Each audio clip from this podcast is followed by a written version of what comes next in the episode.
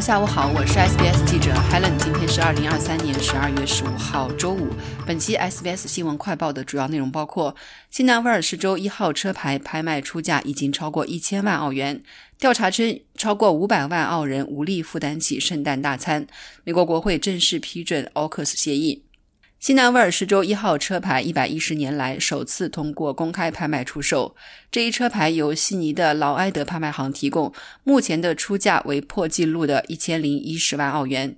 车牌最初颁发给了新州的第一任警察局长的车辆，随后被弗雷德里克·斯图尔特爵士收购。他是巴士公司的所有者和澳大利亚全国航空的创始董事长。斯图尔特在一九六一年去世前将车牌收藏在自己的奥兹摩尔汽车上，后来又转给了他的遗孀，而后者于两千年去世。直到现在，车牌才开始拍卖。在二零一七年，新南威尔士州的四号车牌以两百四十五万澳元的创纪录价格售出。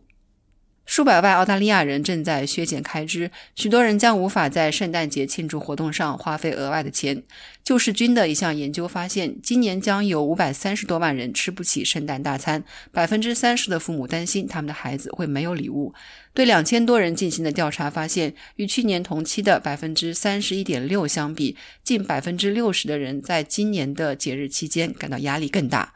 近七分之一的家长担心他们的孩子会吃不上传统的圣诞大餐，超过七成的受访者更加注意自己的花销。救世军的布伦丹·诺特尔说：“许多人将首次依靠慈善援助度过这个圣诞节。”美国国会已经正式批准了与澳大利亚达成的具有里程碑意义的 AUKUS 协议。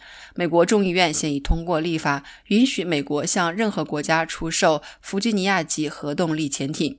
该法案将提交给美国总统拜登签署，从而正式成为法律。预计至少有三艘潜艇将出售给澳大利亚。澳大利亚副总理兼国防部长理查德·马尔斯告诉七号台，美国国会这一决定的意义远不止于此。他说：“这是美国历史上首次授权向任何国家出售核动力潜艇。显然，这对澳大利亚按照我们去年三月宣布的路线获得这种能力至关重要。